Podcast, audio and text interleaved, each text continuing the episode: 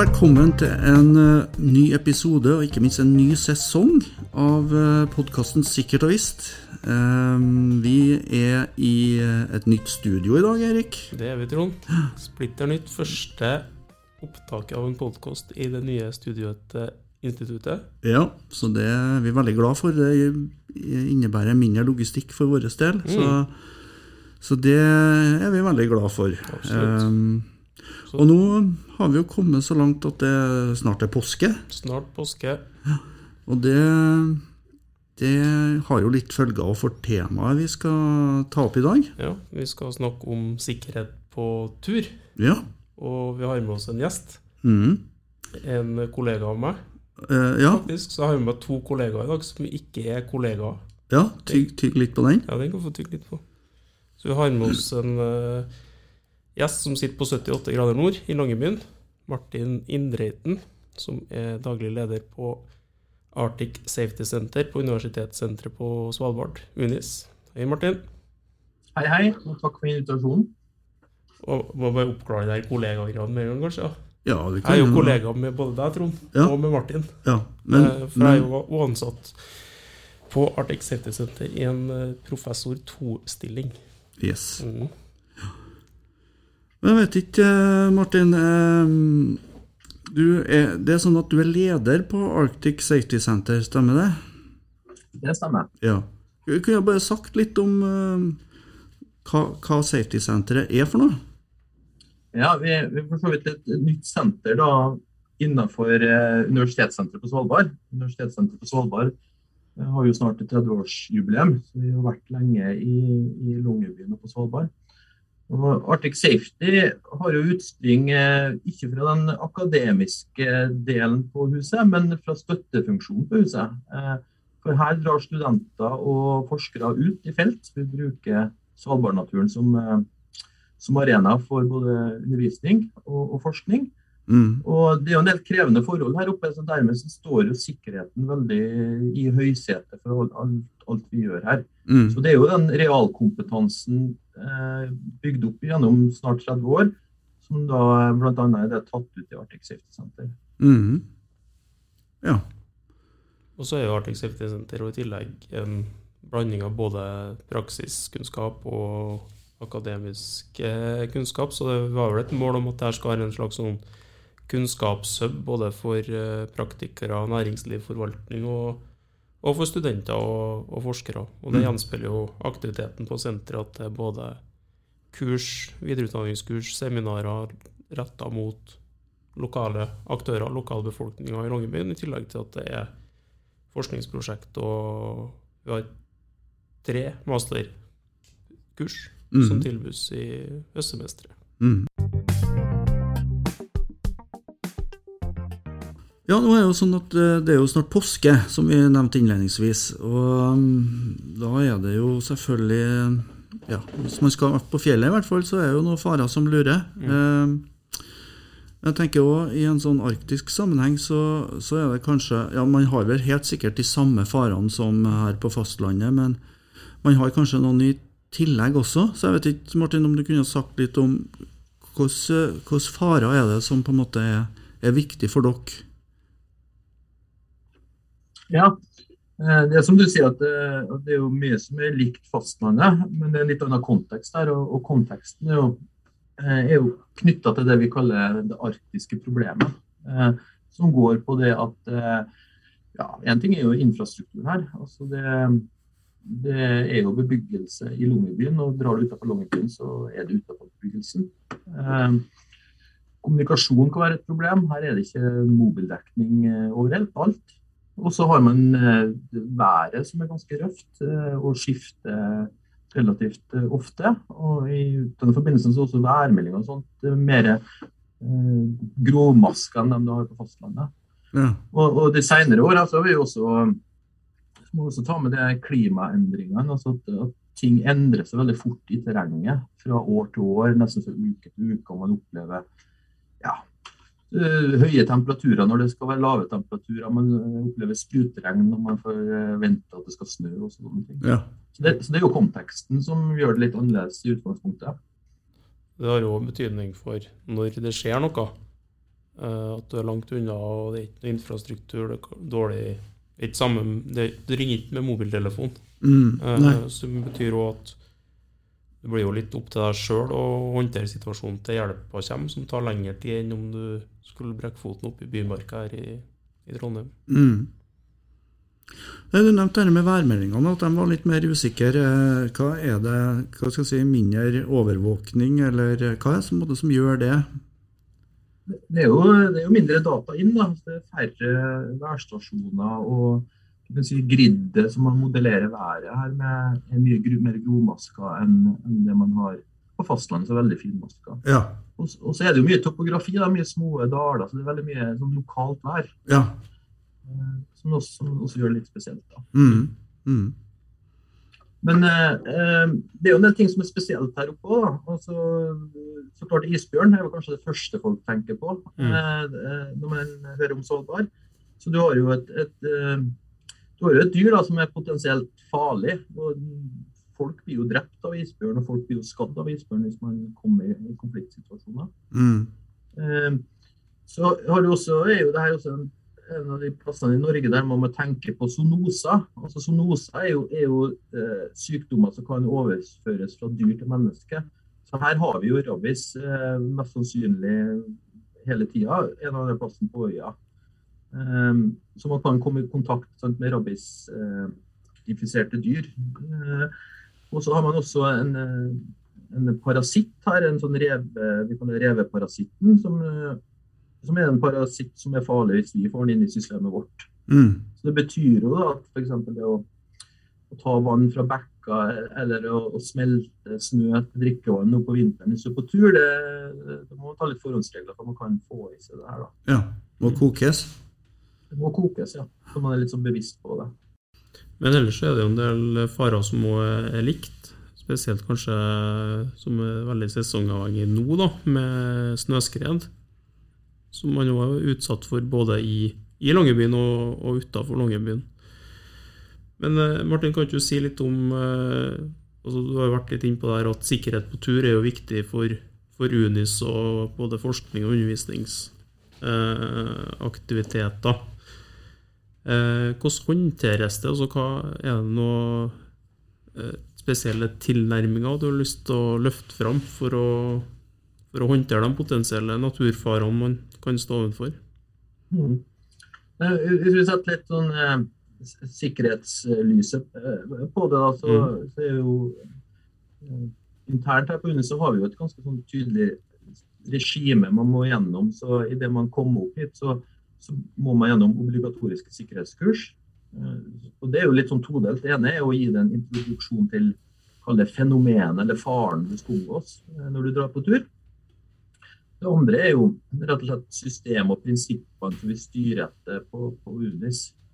Og, og, og De er jo generelle risikostyringsprinsipper. så Det er jo det at eh, har man mulighet, så skal man unngå fare. Mm.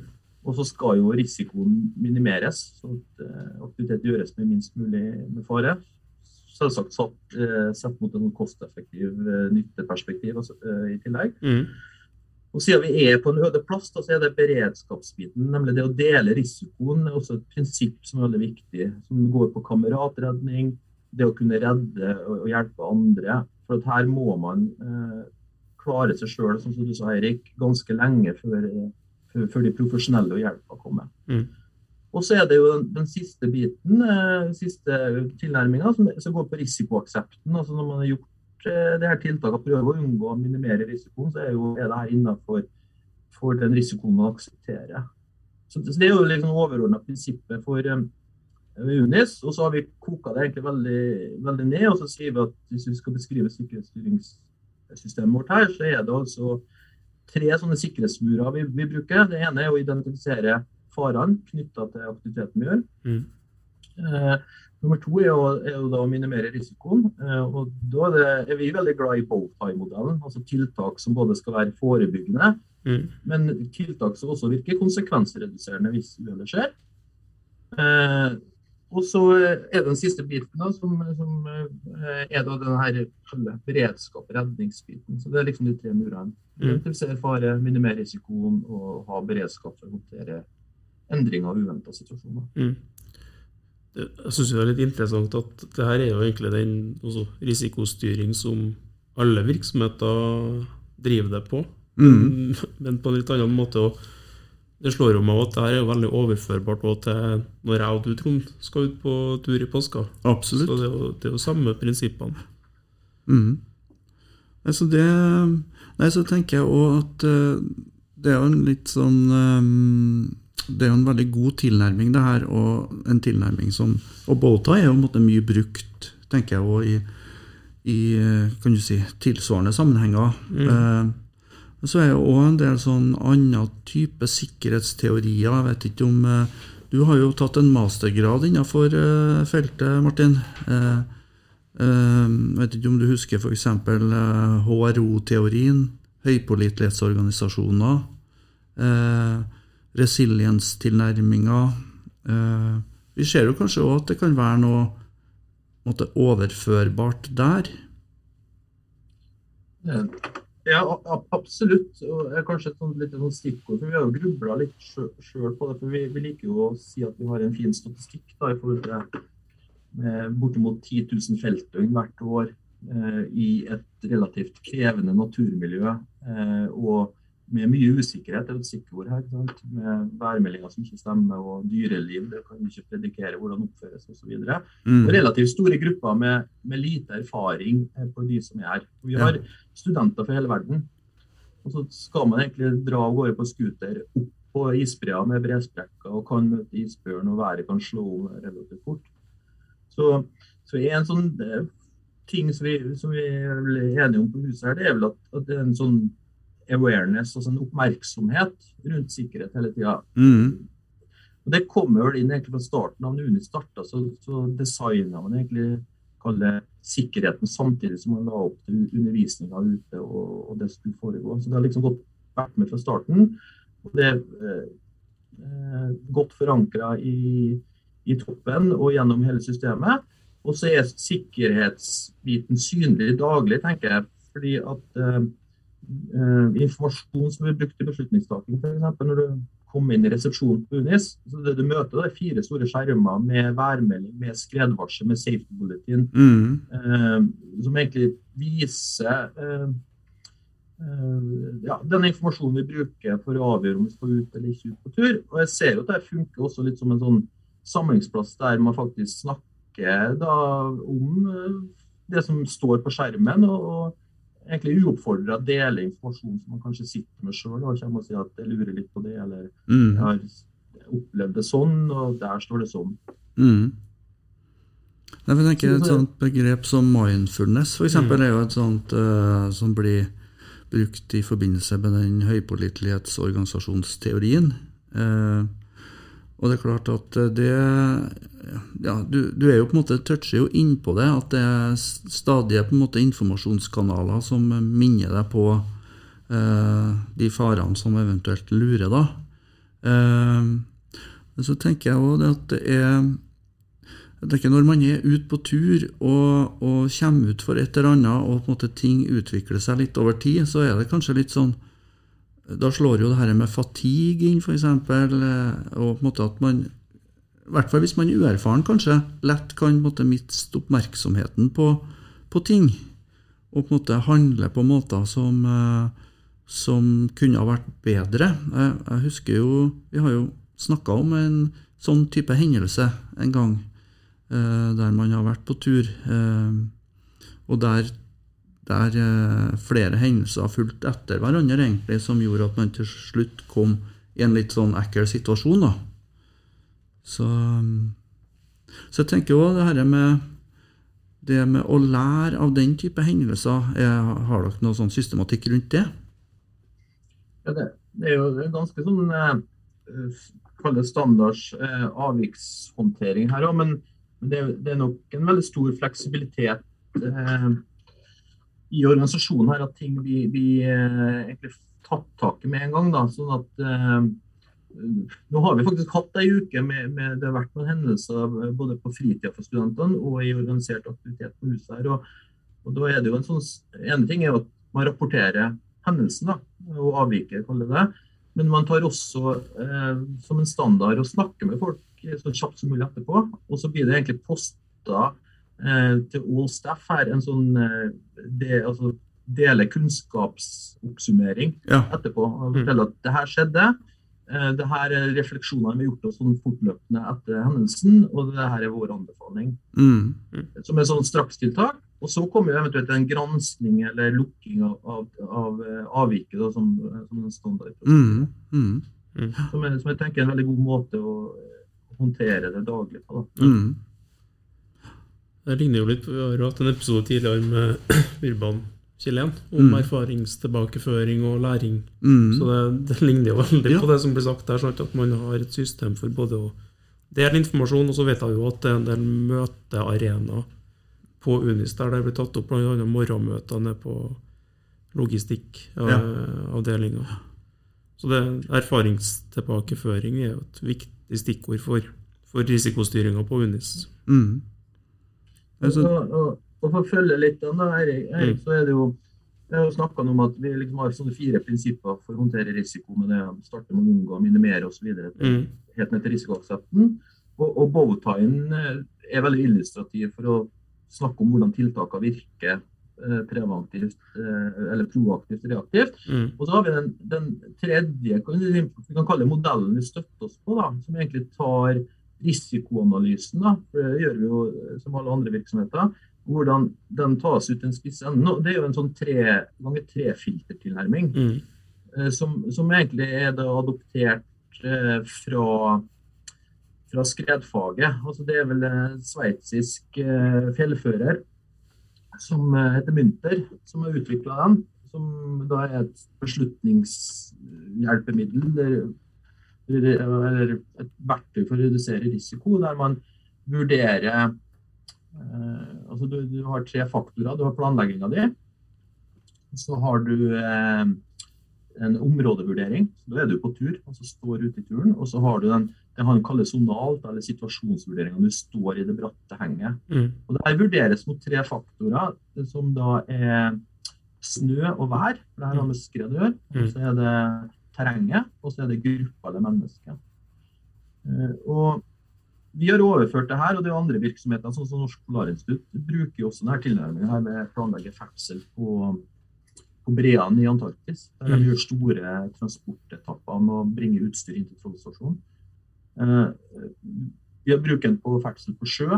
Eh, På sommeren bruker den på ferdsel på sjøis. og eh, Før praten her så googla jeg litt rundt på 3x3-filter, og det ser jeg også at sånn som innenfor paragliding, så, så bruker man samme tilnærminga. ja. Men, Eh, Litt av hensikten her da, det er jo at i planlegginga der ligger risikoanalysen din. mm. Eh, Når du da kommer, eh, kommer ut, så, må, så bør du jo avstemme da, at det du identifiserte i risikoanalysen og de tiltakene du agerer, det stemmer med det du ser ute. Mm. Eh, og Hvis vi bruker eksempelet med snøskred, da, så kan Ja. du si når du leser skredvarselet, så har du en sånn faregradsskala som går fra 1 til 5, og sier at du leser faregrad 2 Mm.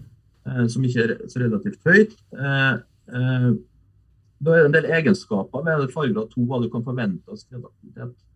Så da, når du kommer ut i om- området på, på turen din, så kan du kanskje allerede i det du står og ser inn i dalen og sånn, gjøre deg opp en mening om denne faregrad 2 stemmer eller stemmer ikke. Mm.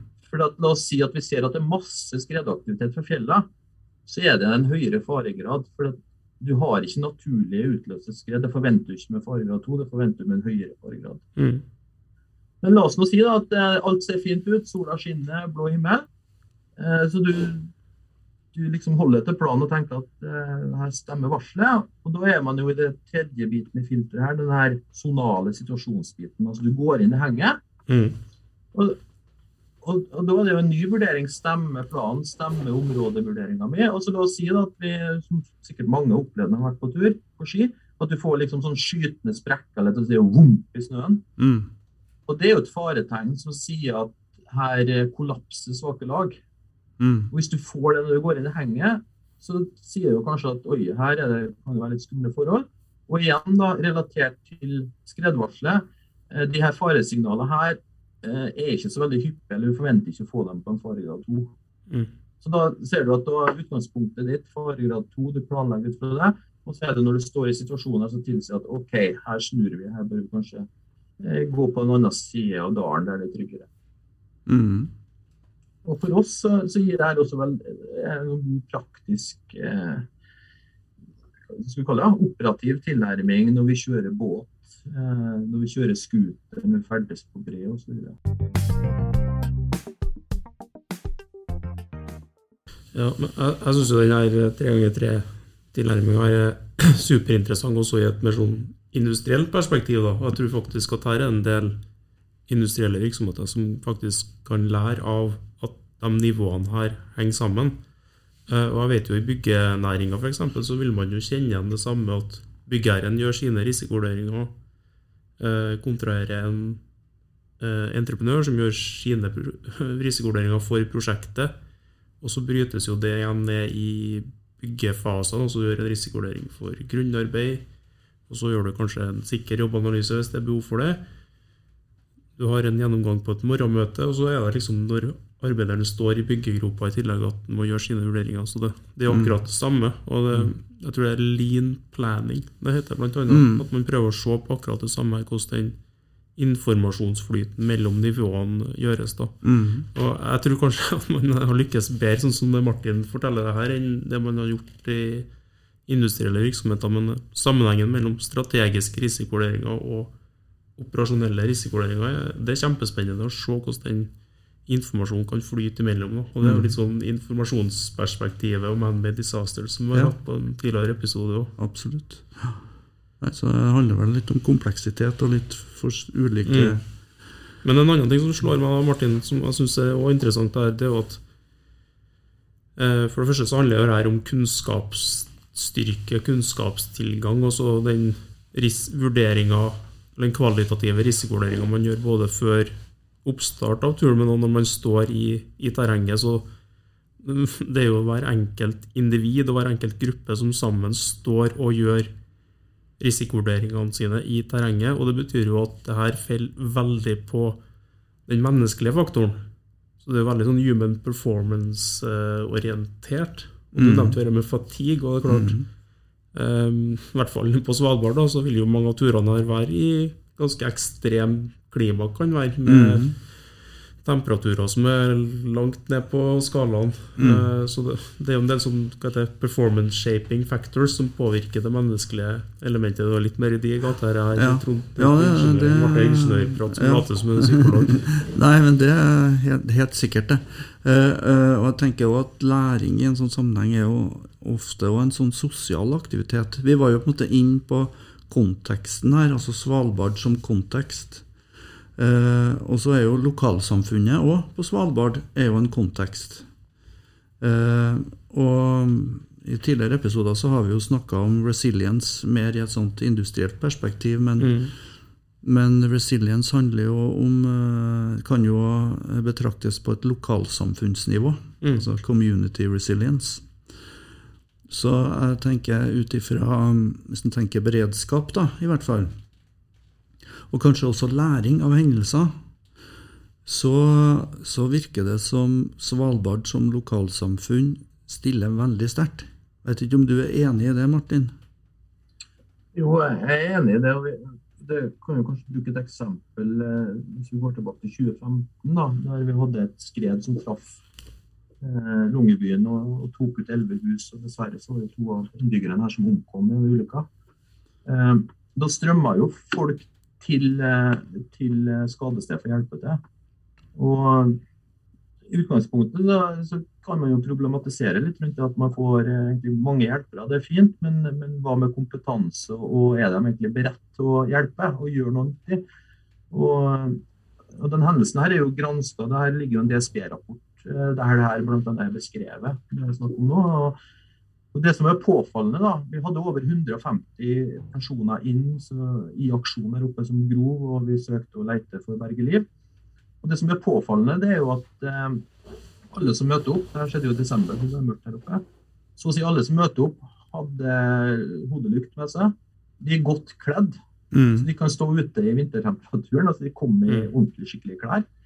Og hver enkelt som kommer, kommer faktisk med søkestang og spade. Og da snakker vi jo om en snøspade av god kvalitet som er laga for å drive redning i snø med. Ja. Mm. Så, så, eh, og jeg har jo sagt det flere ganger når jeg snakker om det, at hadde dette skjedd i min hjembygd, som, eh, som er på Nordmøre, der det er også bratte fjell, så tviler jeg på at, eh, at vi hadde altså Et av problemene ville vært å skaffe spader. vil jeg tro. Det er ikke gitt at folk har spa, vet hvor de har spaden. Og det er heller ikke gitt at folk kommer i ordentlig eh, outdoor- eller utendørsbekledning. Nei. Eh, Så det, jeg tenker, det illustrerer litt om det, det du snakker om. Og så Bakgrunnen for det her igjen nå, så er det også en, eh, egentlig litt sånn standard når du kommer opp hit, at du tar sikkerhetskurs. Mm. Eh, og så er nok folk ydmyke i forhold til å ta kurs, fordi at eh, man kjøper seg en snøscooter. Så det er helt OK å være novise på det. Så det er naturlig at du tar kurs og hvordan bruke det her. Og isbjørn, OK, det skjønner man er skummelt og stort, så da tar man også kurs og lærer seg å håndtere våpen osv. Så videre, sånn at, at, at terskelen for å ta kurs og søke kunnskap eh, er veldig lav. Mm. Sånn at du, du har faktisk eh, ikke bare eh, folk som stiller opp som er kledd og utstyrt med godt utstyr, men de har også litt mindset og har også litt skolering i hvordan eh, delta i en redning. Da. For de har Mm. gjerne vært på skredkurs. Mm. Men så synes jeg en annen ting som er interessant med det du sier nå, det er jo det her med at eh, snittoppholdstida i Longyearbyen Den er på Nå må du korrigere meg, fire år? Er det? Ja. Fire år, ja. Så det betyr at det er ganske mye utskiftning av befolkninga. Så har du sånne som Martin som eh, blir der da, over lengre tid. Men det betyr jo at den eh, tause kunnskapen forsvinner jo ut med jevne mellomrom. Så du må jo ha nettopp de arenaene her for å nettopp få på plass taus kunnskap til dem som Mm. ankom Uh, Ja. ankommer byen. Men så er jo det er jo, for å nyansere det litt, også, så er det klart at mange av dem som er på tur, er turister som ikke har den tause kunnskapen. Og Det er jo interessant det her med sikkerhet og sikkerhetsstyring i eh, reiselivsnæringa i Longyearbyen.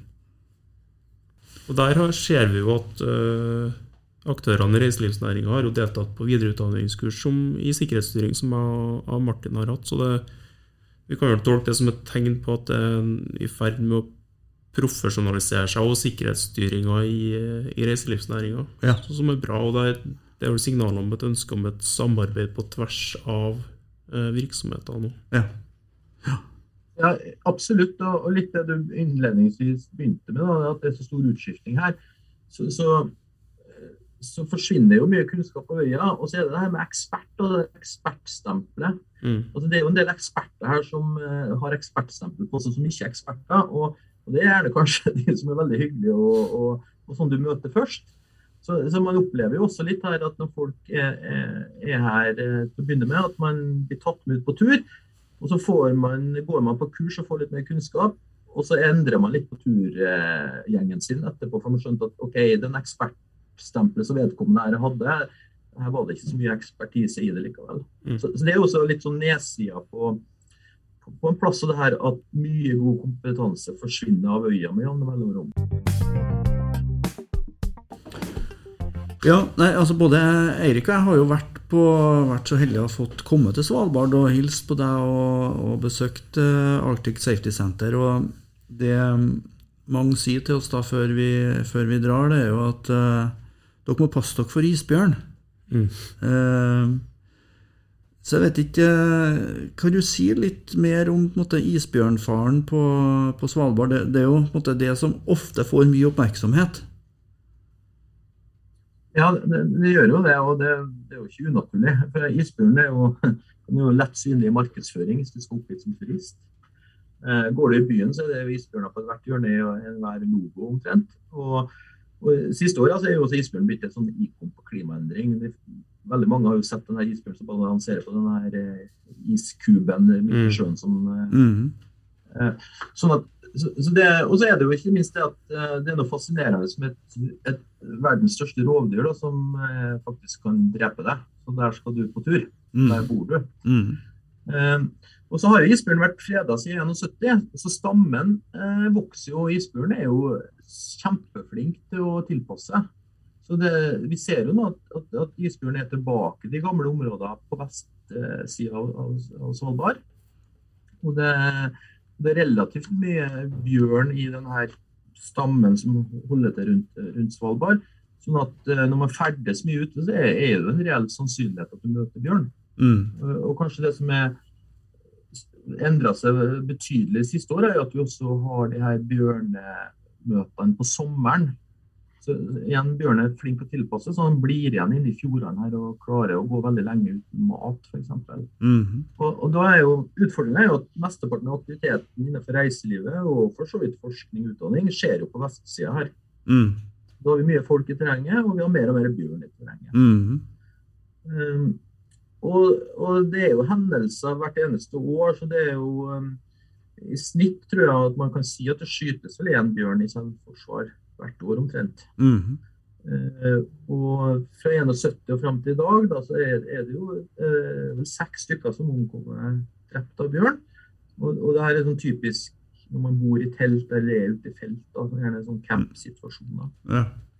Så finnes det veldig dårlig oversikt over egentlig hvor mange sånne konfliktmøter som er, så det er vanskelig å sette tall på. da, Men, men for Uni sin del så har vi vel en vil si, kanskje en håndfull, av fem-seks eh, hendelser der vi er i en situasjon der vi er nødt til å skremme, altså gjøre aktive tiltak for å unngå bjørn. da. Mm. Enten å fjerne oss sjøl, eller at det kanskje ender opp at vi må skremme dem vekk. Mm.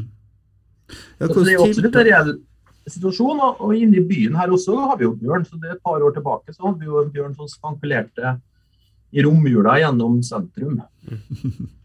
Mm. Eh, og, det, og det er en liten digresjon, da, men det er jo interessant da, at eh, det som skjedde da, det at det går sånn rundt 20 minutters tid når jeg var tidlig på, på morgenen, før noen finner på å ringe politiet og varsle om at det er bjørn i byen. Eh, det er ute på sosiale medier Ja. først. Ja. Så folk filmer og poster på Facebook før man har funnet ut at oi. Så det viser vel også litt eh, Man er fascinert og kanskje ikke man ser helt faren, da. Mm. Mm.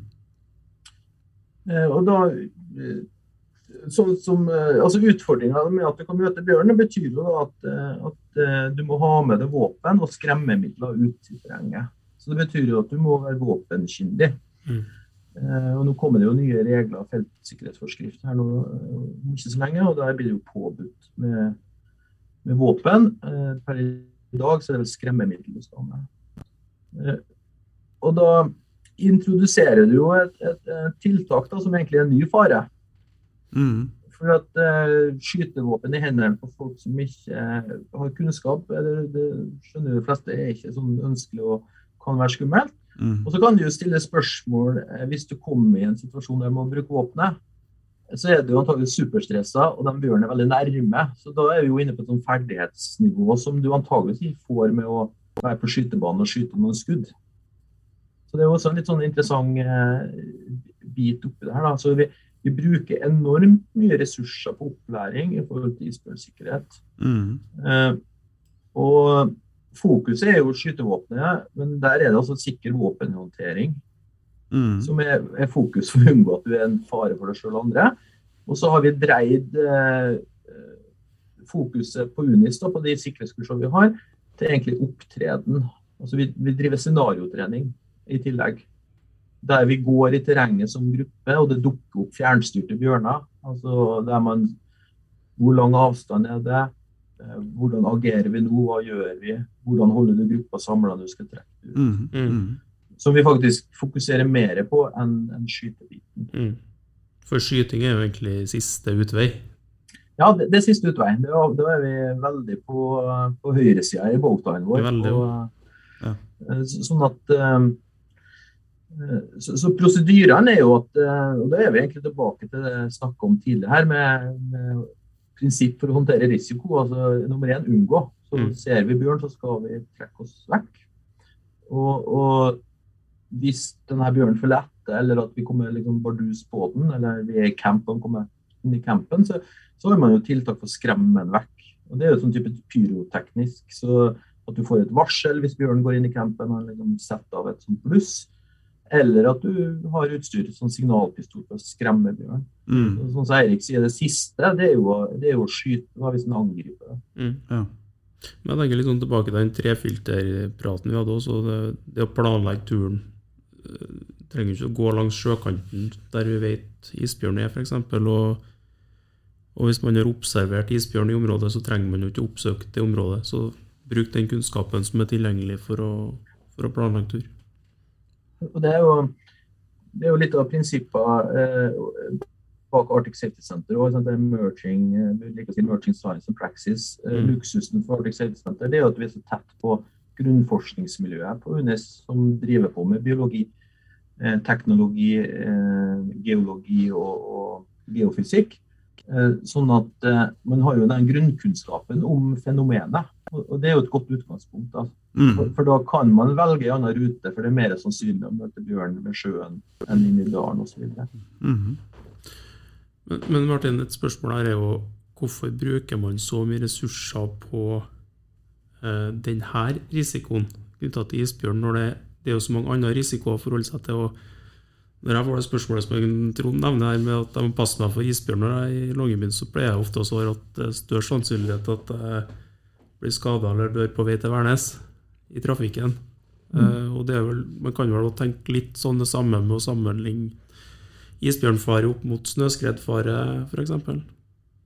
Ja, altså hvis, eh, nå sa jeg at dere var seks omkomne siden 71 når bjørn ble freda fram til i dag, og, og 11 sånn, på snøskred. Pluss at det er enormt mange mørketall på hvor mange hendelser som har vært sånn veldig close by på, mm. når vi snakker om snø, snøskred. Men eh, det er vel litt eh, sånn at, eh, at hvis vi bruker bowtien vår som et referanse, så er det kanskje det som er artig å trene på, og der alt stæsjet mm. finnes, det er på høyresida. Mm. mm. Altså, der har du isøksa, stegjernet, det å heise folk ut av bresprekker.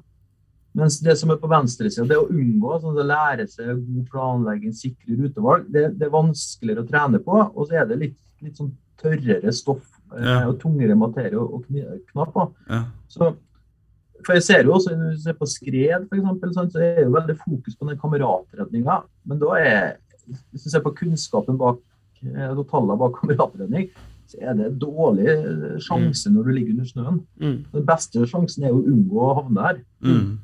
Men den, den er vanskelig. sånn at um, og så er det ikke tvil igjen at isbjørn er, er, et ikon. altså Det er en, en sånn sexy fare. og mm. Dermed så er det lett å få uh, bruke, ha fokus på og, og bruke ressurser på det. Mm. Ja, og så er det kanskje med å skape en sikkerhetsbevissthet som man tar med seg i møte med andre, andre farer. Ja, som er overførbar, ja. Mm.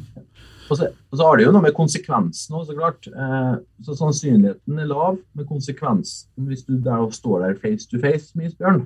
Mm. Eh, så er den eh, ganske stor da, at det ender ille for både deg og bjørn. Mm. Eh, sånn at du er jo kanskje mer inne på at det er rett å bruke så mye fokus for nemlig for å ha den beredskapen. Og, og, og gevinsten som dere sier, er jo at også man får kanskje det kan overføres til generelt fokus på å være klar og beredt. Mm. Når vi snakker om uh, sikkerhet i Longyearbyen og på Svalbard, så er det jo en ting som er vanskelig å unngå. Du var jo litt inne på det her med at isbjørn endrer, endrer atferd, og det er jo klimaendringer.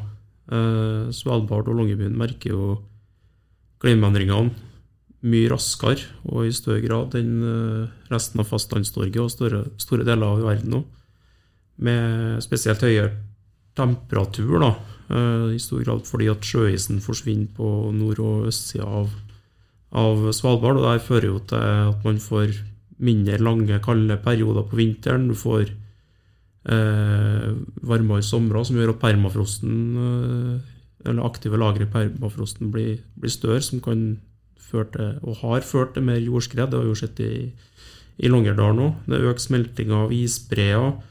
Eh, og senest for én eh, til to uker siden så var det jo plussgrader den for to uker siden med regn. For det i forrige uke når jeg var i Longyearbyen, var minus 15-20 eh, grader, så det fryser jo på. Og Så får du kanskje snø på toppen av der igjen, og så får du litt annen skredproblematikk enn, enn det du har gjort tidligere.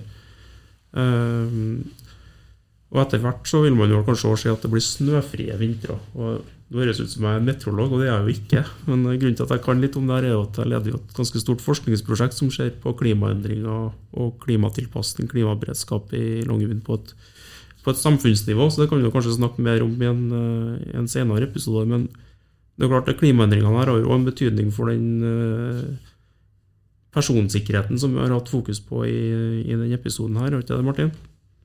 Jo, abs absolutt. Altså, her er jo temperaturøkningen, gjennomsnittstemperaturøkningen på femgangen, mm. mens resten av verden er på to ganger høyere.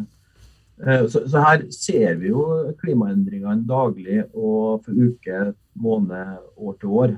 Og så, så klart kan det fort ende opp i en sånn diskusjon om, om snakke klima eller vær. Men det er ikke tvil om at vi har eh, at det er ting eh, som skjer med klimaet som påvirker terrenget rundt oss. Og vi har mer ekstremeventer mye mer hyppigere enn, enn vi hadde før. Så det, så det er jo, er jo, noe man må forholde seg til. Og kanskje utfordringa er jo at, at, det du tenker er normalt, lenger ikke er normalt. Eh, og, og du, du, altså det står i nye utfordringer eh, Kanskje ikke nye farer, men farene oppstår på tidspunkt du ikke forventer dem. Altså mm. Noe du forbinder med Eh, en sånn vårfare. Eh, F.eks. sørpeskred. Det plutselig får vi midtvinters nå, for vi har sånn regn på snø-event sånn som vi hadde for et par uker siden. Mm. Eh, og permafrosten smelter, og, og, det er også en sånn ringvirkningseffekt der. Så det at høy temperatur på sommeren som fører til større avsmelting på bre, fører til større endringer i moreneterreng f.eks. Og dermed så kan bratthet i terreng endre seg. Så denne her lille dalen som var egentlig trygg sånn skredmessig i fjor, er plutselig ikke trygg i år fordi at det sklidd ut så mye masse at du har fått skredterreng, altså blitt så bratt. Mm. Eller terrenget har forandra seg til ei terrengfelle eh, som gjør at det er mer Hvis det skjer noen ting der med snøskred, så er det alvorlige konsekvenser. Mm. Så Det betyr jo da egentlig at de her gode planene som man sitter med, eller hvis du er masse på tur, de her trekkloggene du har, det at du har vært i området før, eh, nødvendigvis ikke er så verdifull eh, for turen i år. Altså Det skjedde så store endringer eh, at, at, det rett og slett kan nesten være farlig å, å, følge samme prosedyre som tidligere. Mm. mm. Da er vi tilbake til med kunnskap igjen. Ja, kunnskap og utdyrke kunnskap òg. Sånn at den kunnskapen som var relevant og riktig i fjor eller for to år siden, er ikke nødvendigvis den som er den rette til neste år. Mm. Så man er nødt til å og det blir jo, Da må man jo inn i en risikobasert tilnærming, at ja. man må gjøre vurderinger om hva og du, har det å si. Og du er kanskje også tilbake til den tre ganger tre-tankegangen. Ja, med planlegging og områdevurdering og situasjonsvurdering. Mm. Eh, at det er ja, eh, Absolutt. og så vi, vi, har jo kjørt etter- og videreutdanningskurs der både folk fra redningsbiten her, forvaltning og, og feltteknikere. og der, der der man var inne i en sånn diskusjon rundt at det snakker man om eh, sånn, Det er populært å snakke om sorte svaner og sånt, men mm. det var for så vidt eh, Om ikke skutt ned, men sagt at det, det, er kanskje ikke ukjente ukjente som dukker opp her, men altså det er egentlig kjente farer og ting vi er vant til å forholde oss til, men de dukker opp på, på, nye plasser der du ikke trodde de kunne dukke opp. Mm. Og det skjer på tidspunkt der du ikke forventer det. Ja. Så garden er litt sånn nede. Mm. Og omfanget for eksempel, av skredet, at de er større enn liksom man har sett før. og sånn. Gjør at man for så vidt er klar over det og kanskje iverksetter tiltak og, og, har en for så vidt plan å forholde seg til, men at, at, man blir tatt litt på senga for at det har et større omfang eller det dukka opp før du egentlig så for at det skulle skje. Ja.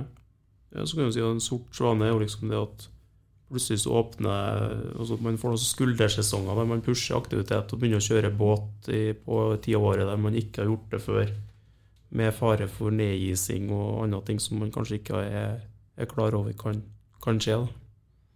Ja, det er jo absolutt. At, um, det er jo på den andre sida på klimaendringene. Mm. Det åpner jo for nye typer aktiviteter fordi det blir isfritt. Mm. Der det før var is, der kan vi nå kjøre båt. Og vi kan kjøre båt i backmørket. Mm. Og så har man uh, egentlig en god, uh, god statistikk, eller gode operasjonsprosedyrer på å kjøre båt midtsommers.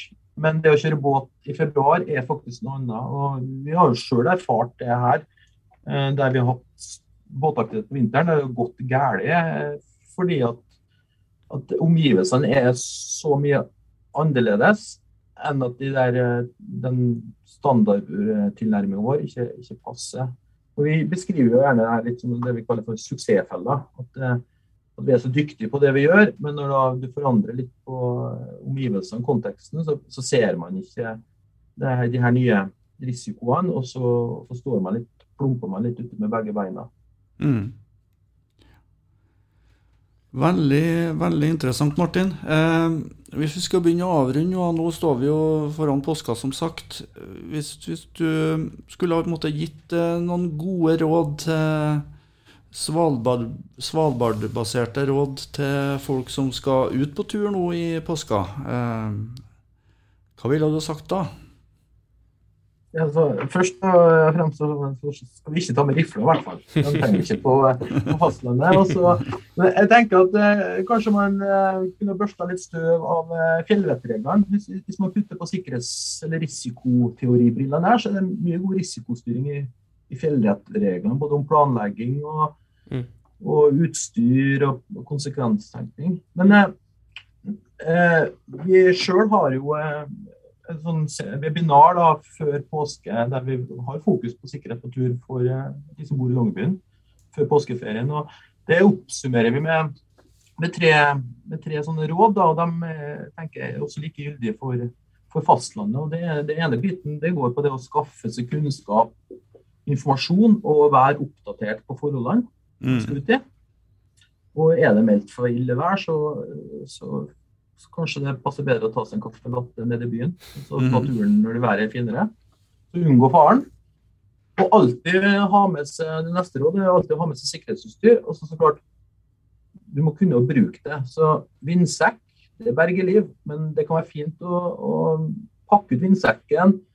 Eh, prøve å sette seg inn i den når du sitter på stua. så at Når du står der i full storm og skal bruke den, så blåser den ikke av gårde. Du du hvordan det kommer deg ut av den. Mm. Og, og det siste rådet vi avslutter med, det er det her med å unngå fare når det er mulig. Og så alltid tenk konsekvensen av de veivalgene de valgene du tar når du er på fjellet. Mm. Nei, men da er vi vel ved veis ende. Tusen takk til Martin Indreten på Arctic Safety Center Unis. Veldig artig å prate med deg som vanlig. Mm. Takk til Trond. Jo, og takk til deg, Erik. Takk for det. Eh, og så passer jo, eh, passer jo eh, ordspråket vårt eh, spesielt godt nå rett før påsk. Ja, Siste gode rådet før påske. Ja. Ja. Ikke foran holdes. Ikke forhåndes. Takk for oss.